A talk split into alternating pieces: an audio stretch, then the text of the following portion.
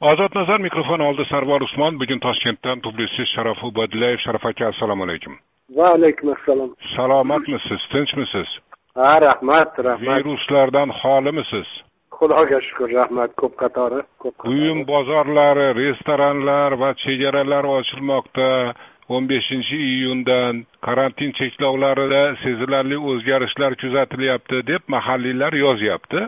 Ayni paytda virusga chalinish holatlari ham pasayayotgani sezilayotgani yo'q. Siz toshkentda yashayotgan bir oqsoqol nimani sezyapsiz? O'sha cheklovlar olinayotganini nimalarda sezyapsiz? Sarvarbek shu e, pandemiya masalasi karantin masalasi o'zbekistonda qilinayotgan ishlarni masshtabini ochiq gap biz yetarli darajada keng e, butun dunyoga hali yetkazib berayotganimiz yo'q. Juda ko'p ish bo'lyapti. Ochiq gap mana kecha yakshanba kuni yakshanba kuni o'zbekiston prezidenti qurilayotgan juda ko'p obyektlarni butun mutaxassislar bilan borib aylanib mana bir necha kun bir necha marta e, tibbiy maskanlar tibbiy yangi yangi yangi e, qurilayotgan maskanlarni ko'rib man ba'zan pandemiya bizga juda katta yuksalishga turtki berdi ham demoqchiman. Bizni oldinga qarab yurishga majbur ham qildi demoqchiman. Lekin bir ikkita masalada bizda malaka bilan e, yetkazib berolmayapmiz. Jahonga ham ichkarida ham. Man shu munosabat bilan siz orqali aytmoqchiman. Birinchidan biz juda katta xatoga yo'l qo'ydik. Buni ochiq aytishimiz kerak. Karantinni belgilashda bizni sog'liqni saqlash vazirimiz endi nima deydi? Juda qattiq lanjlik qildilar. Juda qattiq. Man buni aytyapman yana aytaman.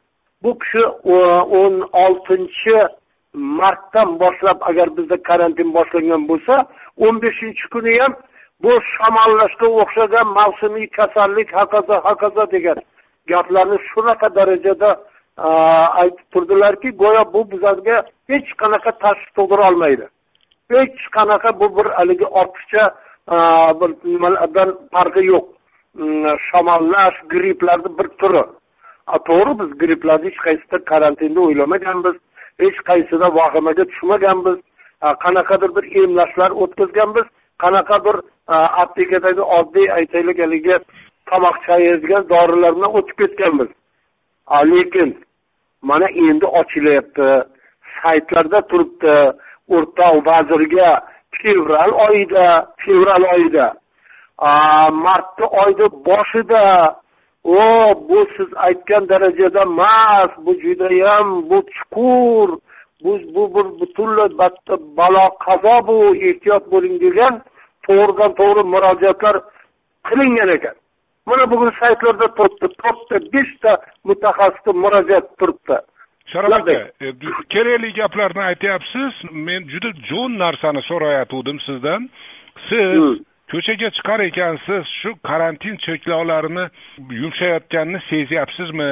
Siz siz nimalarda sezyapsiz deb jo'n narsani so'rayotgandim. yumshatish tarafdori emasman ochiq gap bir malakali va madaniyat nuqtai nazariga o'tish tarafdoriman.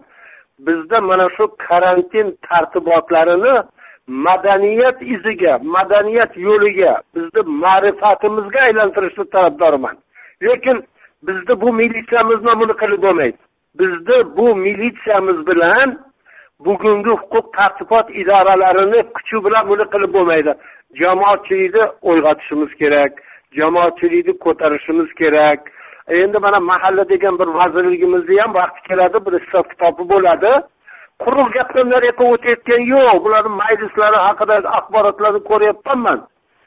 Endi nima deydi shu haligi o'tirib olib faqat nima bilan siyosat bilan shug'ullanyapmiz mahallalarda bir shunday kuchlar paydo bo'lishi kerak shunday jamoatchilik paydo bo'lishi kerak edi allaqachon.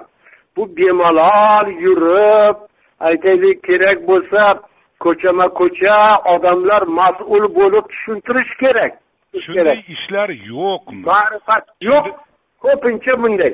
Haligi bir nimada chizilar edi karikaturada muyulishda katta gurzini ko'tarib gaini xodimi turadi.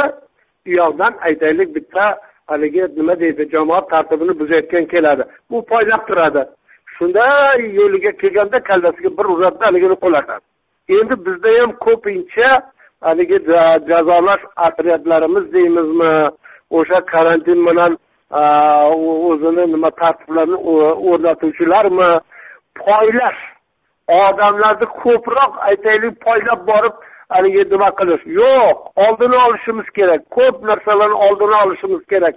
Masalan mahallani uyg'otmay turib mahallada tartib o'rnatib bo'lmasligini mana bizni prezidentimiz buni allaqachon yo'l yo'liga joy joyiga qo'ydilar. Mahallani uyg'otmasdan turib mamlakatda haqiqiy tartib intizom o'rnatib bo'lmaydi. E, sharaf sharof aka hozirgina mana poylab turib boshiga gursi bilan bir uradi dedingiz men shu obrazga bir misol keltirmoqchiman illyustratsiya mana kecha surxondaryolik bir tadbirkor yigit davor jo'raqulov degan. Ozodlikka murojaat qilib o'zi bilan bo'lgan bir voqeani aytib berdi. Milliy gvardiyani askarlari maskang yo'q ekan niqobing yo'q ekan deb uni bo'g'ib olib u hushidan ketib doktorga borish darajasiga yetibdi. O'sha yuzida niqobi yo'qligi uchungina. Man bundan vahmalrog'ini ham aytay dahshatlirog'ini ham. Mana videolarda ijtimoiy tarmoqlarda tarqatildi. Mana bu nimada chilonzorda shunday prokuraturani tuman prokuraturasini shunday to'g'risida chilonzor bozori bor. Chilonzor bozori bor. Chilonzor dehqon bozori. E bu dehqon bozori o'zi mafiyani qo'lida. Man buni bir necha marta aytganman yana aytaman. Mafiyani qo'lida. Ana shu yerga bir guruh e, karantin e, tartibot huquq idoralari kelib shunda reyd o'tkazayotib bir ayolni dehqon ayolni endi mayli tumshug'ida e, o'sha nimasi bordir sotuvda turgandir narsa sotayotgandir haqiqiy bir ko'chadan kelgan oddiy dehqon ayolni shunaqangi endi to'rt besh kishi qilib ayol odamni yotqizib qo'lini orqasiga qaytarib butun bozorda sharmajayi sharmasorlik qilib shu ayolni so'zlab olib ketishdi. Bori yo'g'i endi o'sha o'sha maskasi yo'qligi endi mana shu darajada qilish kerakligi haqida qayerda nizom bor? Kim olib ketdi? Militsiya militsiya militsiya ijtimoiy tarmoqda turibdi. Ijtimoiy tarmoqda turibdi ijtimoiy tarmoqda yana shunday bir vahimali narsa turibdi. Buni ham hech kim orqasini quvmadi. Shahar gaisini boshlig'ini aytaylik mana shu masaladagi mutasaddisi o'n ming dollar bilan qo'lga tushganligi. Qolaversa o'zini xodimlariga senga masalan plan deb kuniga plan bo'lib belgilab berganligi yozuvi o'sha videosi o'sha yozuvi tarqaldi. O'shani eshitganda tepa sochingiz tikka bo'lib ketadi. Nimaga militsiya rahbarlaridan birontasini bironta tikka bo'lmadi? Birontasi axborot bermadi bu odam palonchi edi. Buni yozib olganlar rahmat. Bunday narsalarda biz qo'llab quvvatlaymiz. Biz haqiqat tarafdorimiz deb militsiya rahbarlari chiqmadi. Yo'q militsiyaga judayam qo'l kelgan joylari ko'p bo'ldi. Gap aylanib militsiyaga kelib qoldi ichki ishlarga. Kundan kunga cho'zilyapti. Andijondagi voqea masalasi. Mana kecha deputat rasul kusherbayev ichki ishlar vaziriga andijondagi voqeadan keyin iste'foga ketish kerak deb yozdi. Men o'qib beraymi o'sha bir joyini? Yo'q o'qib bermang. Man kusherbayevni hamma chiqishlarini yo'q yo'q siz siz bilsangiz tinglovchi tinglovchi bilmaydida tinglovchi uchun o'qib beraman eshitib turing afsuski jamoatchilikka ma'lum bo'lib qolayotgan so'nggi voqealar aslida bundan ham ko'p bo'lishi mumkin. Ichki ishlar tizimiga rahbarlik qilib kelayotgan shaxslarning faoliyatiga bo'lgan yondashuvni qayta ko'rib chiqishni taqozo etmoqda. Hozirgi vazirimizni xalqparvar deb eshitganman ammo bo'lib o'tgan holatlar ularning iste'fo vaqti yetib kelganini ko'rsatyapti deb yozdi deputat kusherbayev qo'shilasizmi shu deputatga shu fikriga man nafaqat qo'shilaman balki sal e, kusherbayev e, ozroq yumshoqlik bilan e, judayam yumshoqlik bilan munosabat bildirgan deb bilaman masalan. Man po'lat razaqovичga juda yuqori baho berganman payti kelganda u kishi jizzaxda ishlagan paytlarida. Boring u kishini umuman xorazmdagi faoliyatini nuroniylarga bo'lgan munosabati yuqoriligini ochiq man qumsab qumsab turaman har har payti eslab eslab turaman. Qayerda bo'lsa bu kishi juda yaxshi nom qoldirganligini. Lekin bugungi militsiyani tarkibini bugungi militsiyani aytaylik qay darajaga borganligini po'lat rassofichga o'xshagan yumshoqroq odamlar faylasuf odamlar manimcha boshqara olmas ekan. Manimcha bu yerga nihoyat darajada qattiqqo'l odam kerak ekan. Aytaylik endi mana bitta misol. Militsiyani bu masalada mana boring bitta andijon masalasini o'zini oling. Ikki yil oldin andijonda butun bir guruh militsiya mafiyasi ochilib jinoiy qidiruv bo'limi butunlay sostavi bilan tarkibi bilan ishdan ketgan edi.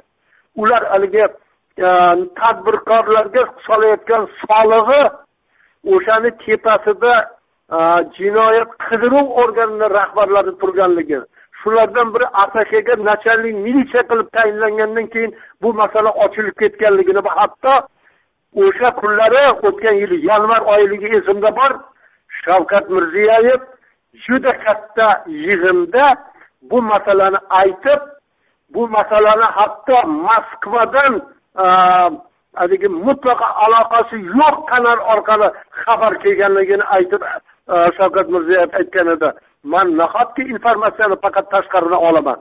Menga qachon biz meni o'zimni e, vazirligim e, hukumatni o'zini vazirligi qachon bu masalani ichida bo'ladi deb juda qattiq aytaylik afsus nadomat bilan eslatgan edi.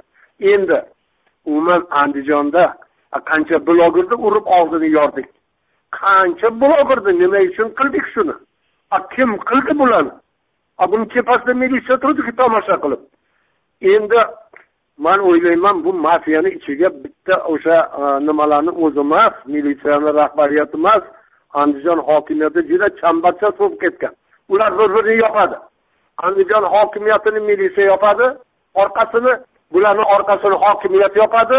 Mana oqibat mana oqibat o'ttiz ikki yoshli yigitni ko'ppa kunduzi urib o'ldirib agar o'shani mingdan rahmat. Singlisi agar ijtimoiy tarmoqqa shu e, videoni qo'ymaganda uni birinchi shuhrat abdurahmonovni o'zi yopar edi.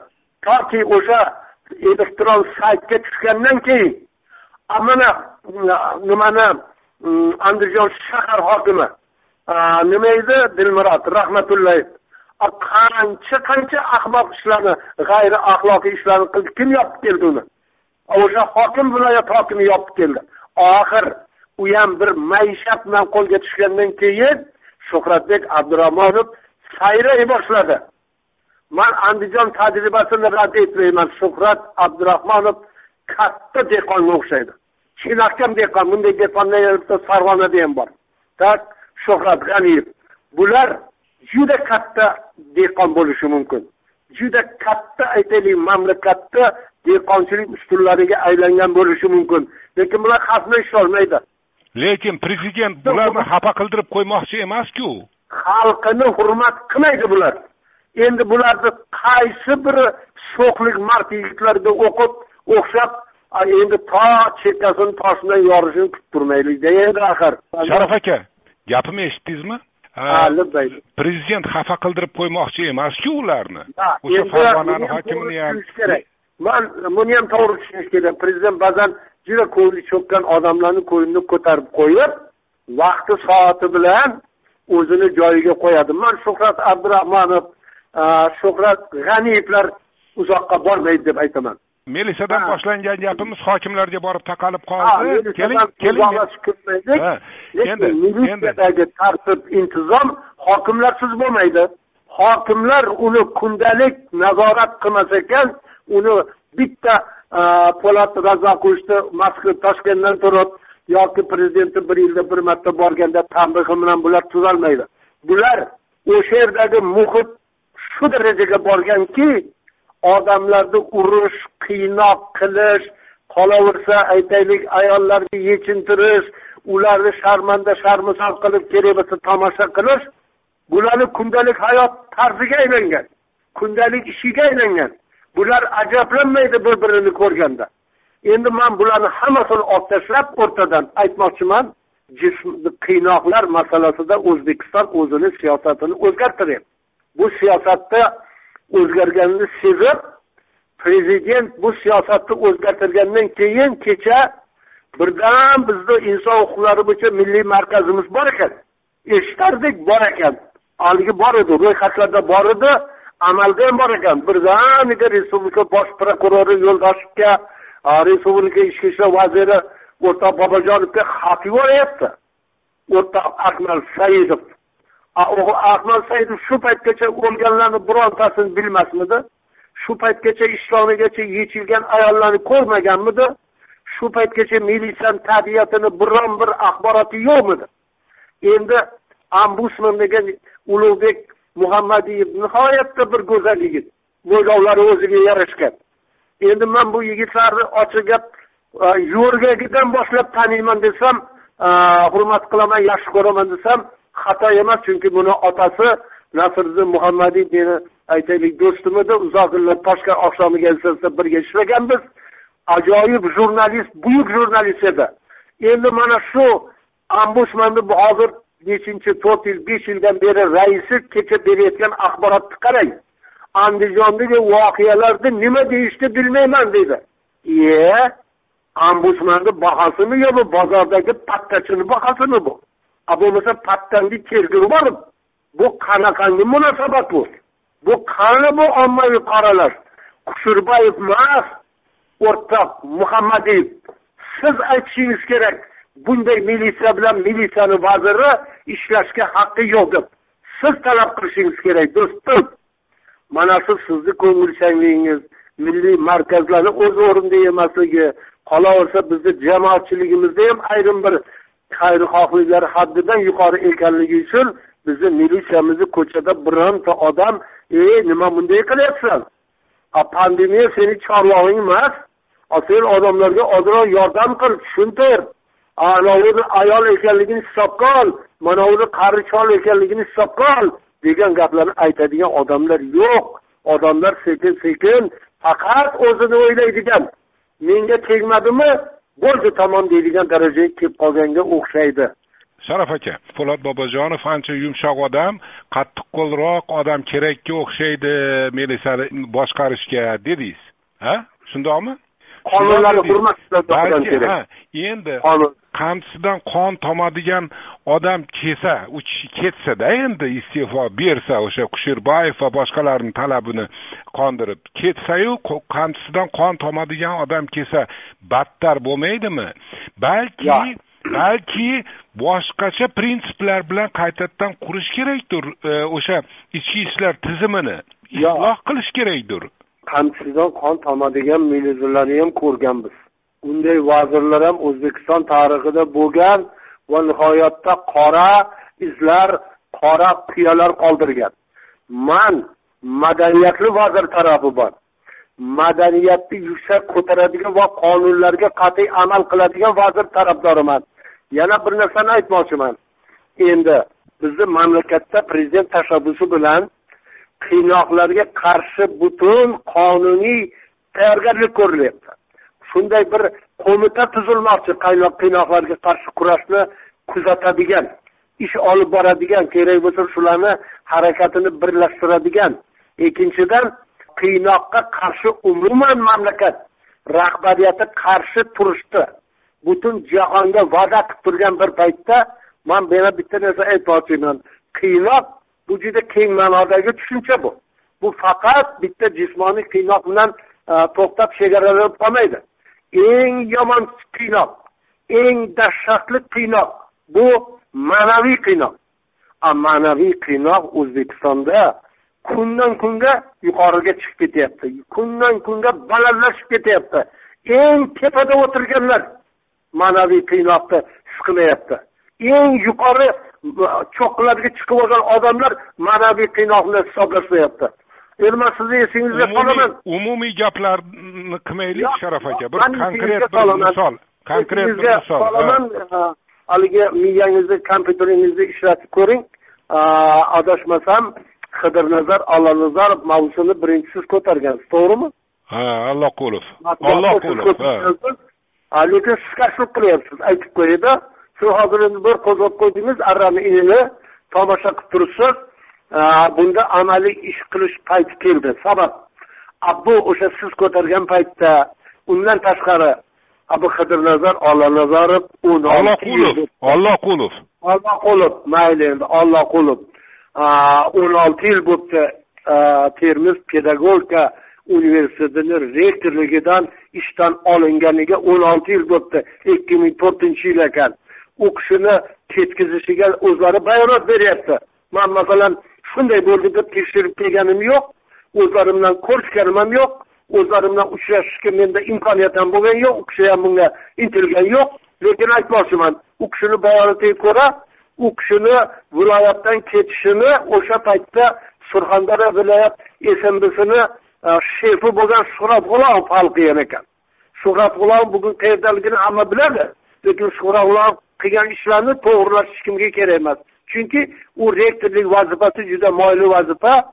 Iloj bo'lsa shu har olti oyda bir marta uni toshkentda odamlar bor rektorlar savdosi bilan shug'ullanadigan man buni ham otini aytaman. Yaqinda aytaman. Yaqinda aytaman. Rektorlardan o'ntasini almashtirdi birontasi joyiga tushgani yo'q. Endi bularni ham aytaman. Mana qarang. Ikki ming to'rtinchi yildan keyin beshta oltita rektor o'tibdi endi tasavvur qiling.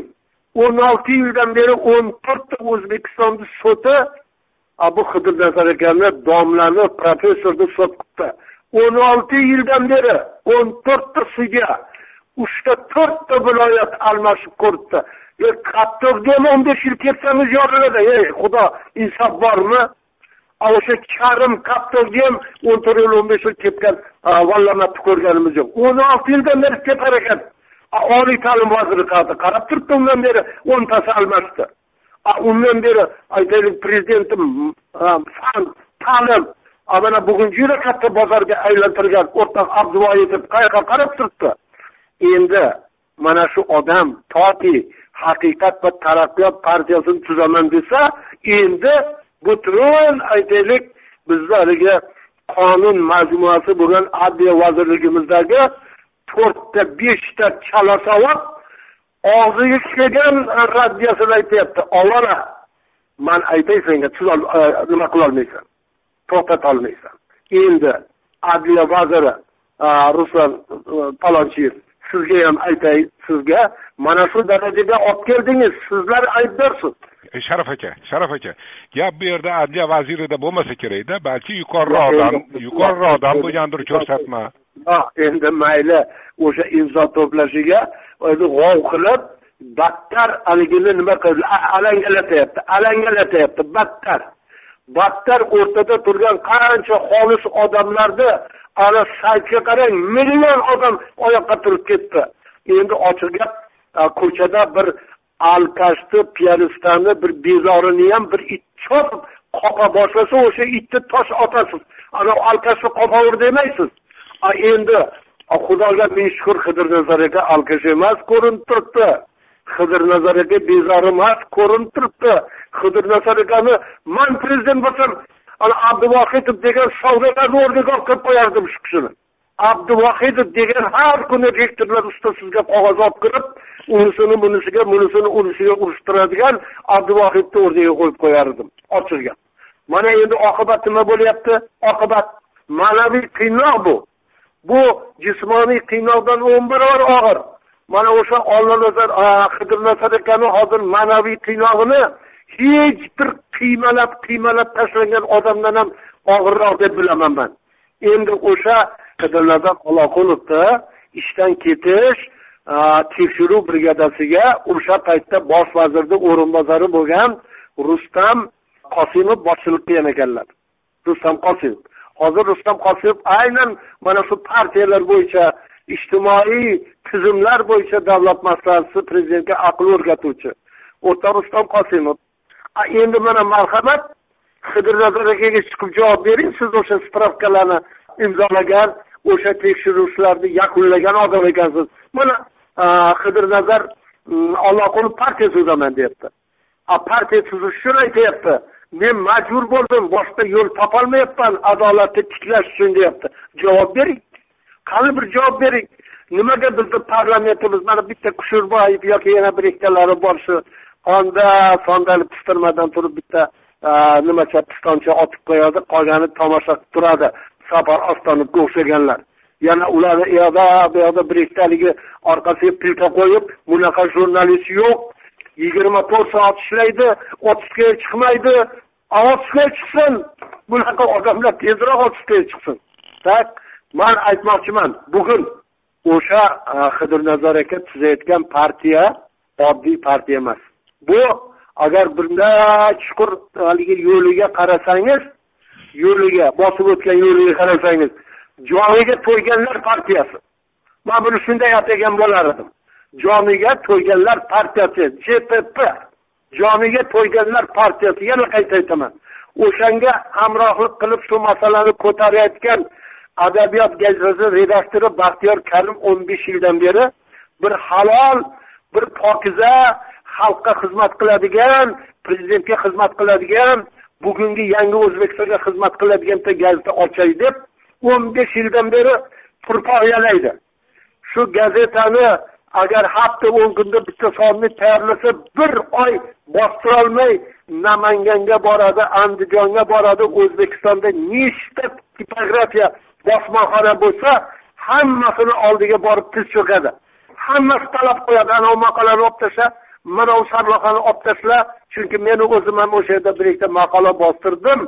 Maqola chiqqangacha haligi maqolani shoni ham qolmaydi. Hammasini yechib oladi. Demoqchimanki bu ham o'sha joniga to'ygan redaktor. Endi rustam qosimov joniga tegganlarni hammasini birikib ketishiga tashabbuskor bo'lmang. O'zbekiston prezidentiga ham ozroq izzat hurmatingizni saqlang. Mana shu partiyani dunyoga kelayotganiga siz aybdorsiz mana shu partiyani tug'ilishiga siz aybdorsiz man oppozitsiyani partiyani tarafdori emasman. Mana shu partiyani mana shunday partiyalarni yangi o'zbekistonga prezidentga prezidentni buyuk g'oyalariga buradigan kuchlar bor. Siz bularni ham hammasini yuziga tupurib chiqqansiz bir chekkadan man o'ylayman bu masalalarda e, siz aytgandek faqatgina jismoniy qiynoq emas ma'naviy qiynoq bu og'irroq. Bir rivoyat bor sarvarjon. Bir bechora kambag'alni nohaq ayblab toshbo'ronga hukm qiladi qozi. Shunda uni toshbo'ron qilayotganda ko'pchilik qatori kelib qolgan bir do'sti ham toshni ustiga paxtani o'rab o'rab otib olgan ekan. Bironta toshdan voy demagan haligi bechora kambag'al shu do'sti tosh otayotganda o'sha paxta kelib tukkanda voh deb mo'kka tushib yiqilgan ekan. Shunda yonidagilar ko'tarib shuncha toshlarga chidadingiz nimaga bu paxtaga yiqildingiz? deganda aytgan ekan bu meni do'stim edi do'stimki menga tosh otgandan keyin meni yashashimga hojat yo'q degan ekan. Man o'zi aytmoqchi edim shu munosabat bilan. Bu ma'naviy qiynoq o'sha paxta bilan otilgan tosh. U ma'naviy qiynoq har qanday toshdan og'irroq.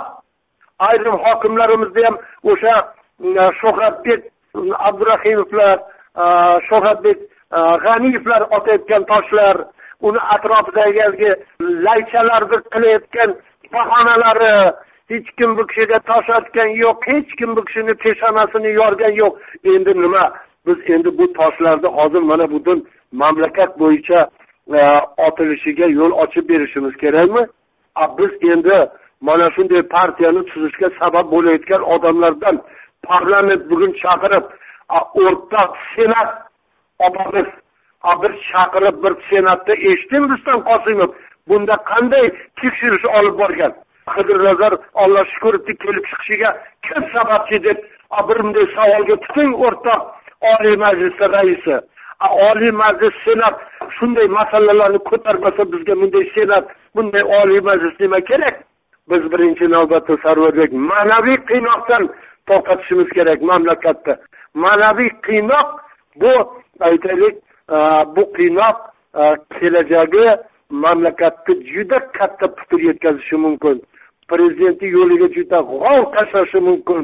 Ma'naviy qiynoqni keltirib chiqarayotgan aytaylik bizni qaysi vazirimiz bo'lishidan qat'iy nazar? Prezidentimiz aytdilarki kim qanaqa vazifani egallab turganligidan qat'iy nazar? Jinoyat uchun jazo muqarrar dedilar. Men o'ylayman ma'naviy qaynoqqa zo'r berayotgan ma'naviy qiynoqqa suyanayotgan bizda davlat maslahatchilarimiz bizni vazirlarimiz ko'zini ochish kerak. Ma'naviy qiynoqqa o'zbekistonda yo'l yo'q bo'lishi kerak. Tamom publitsist sharof ubaydullayev edi.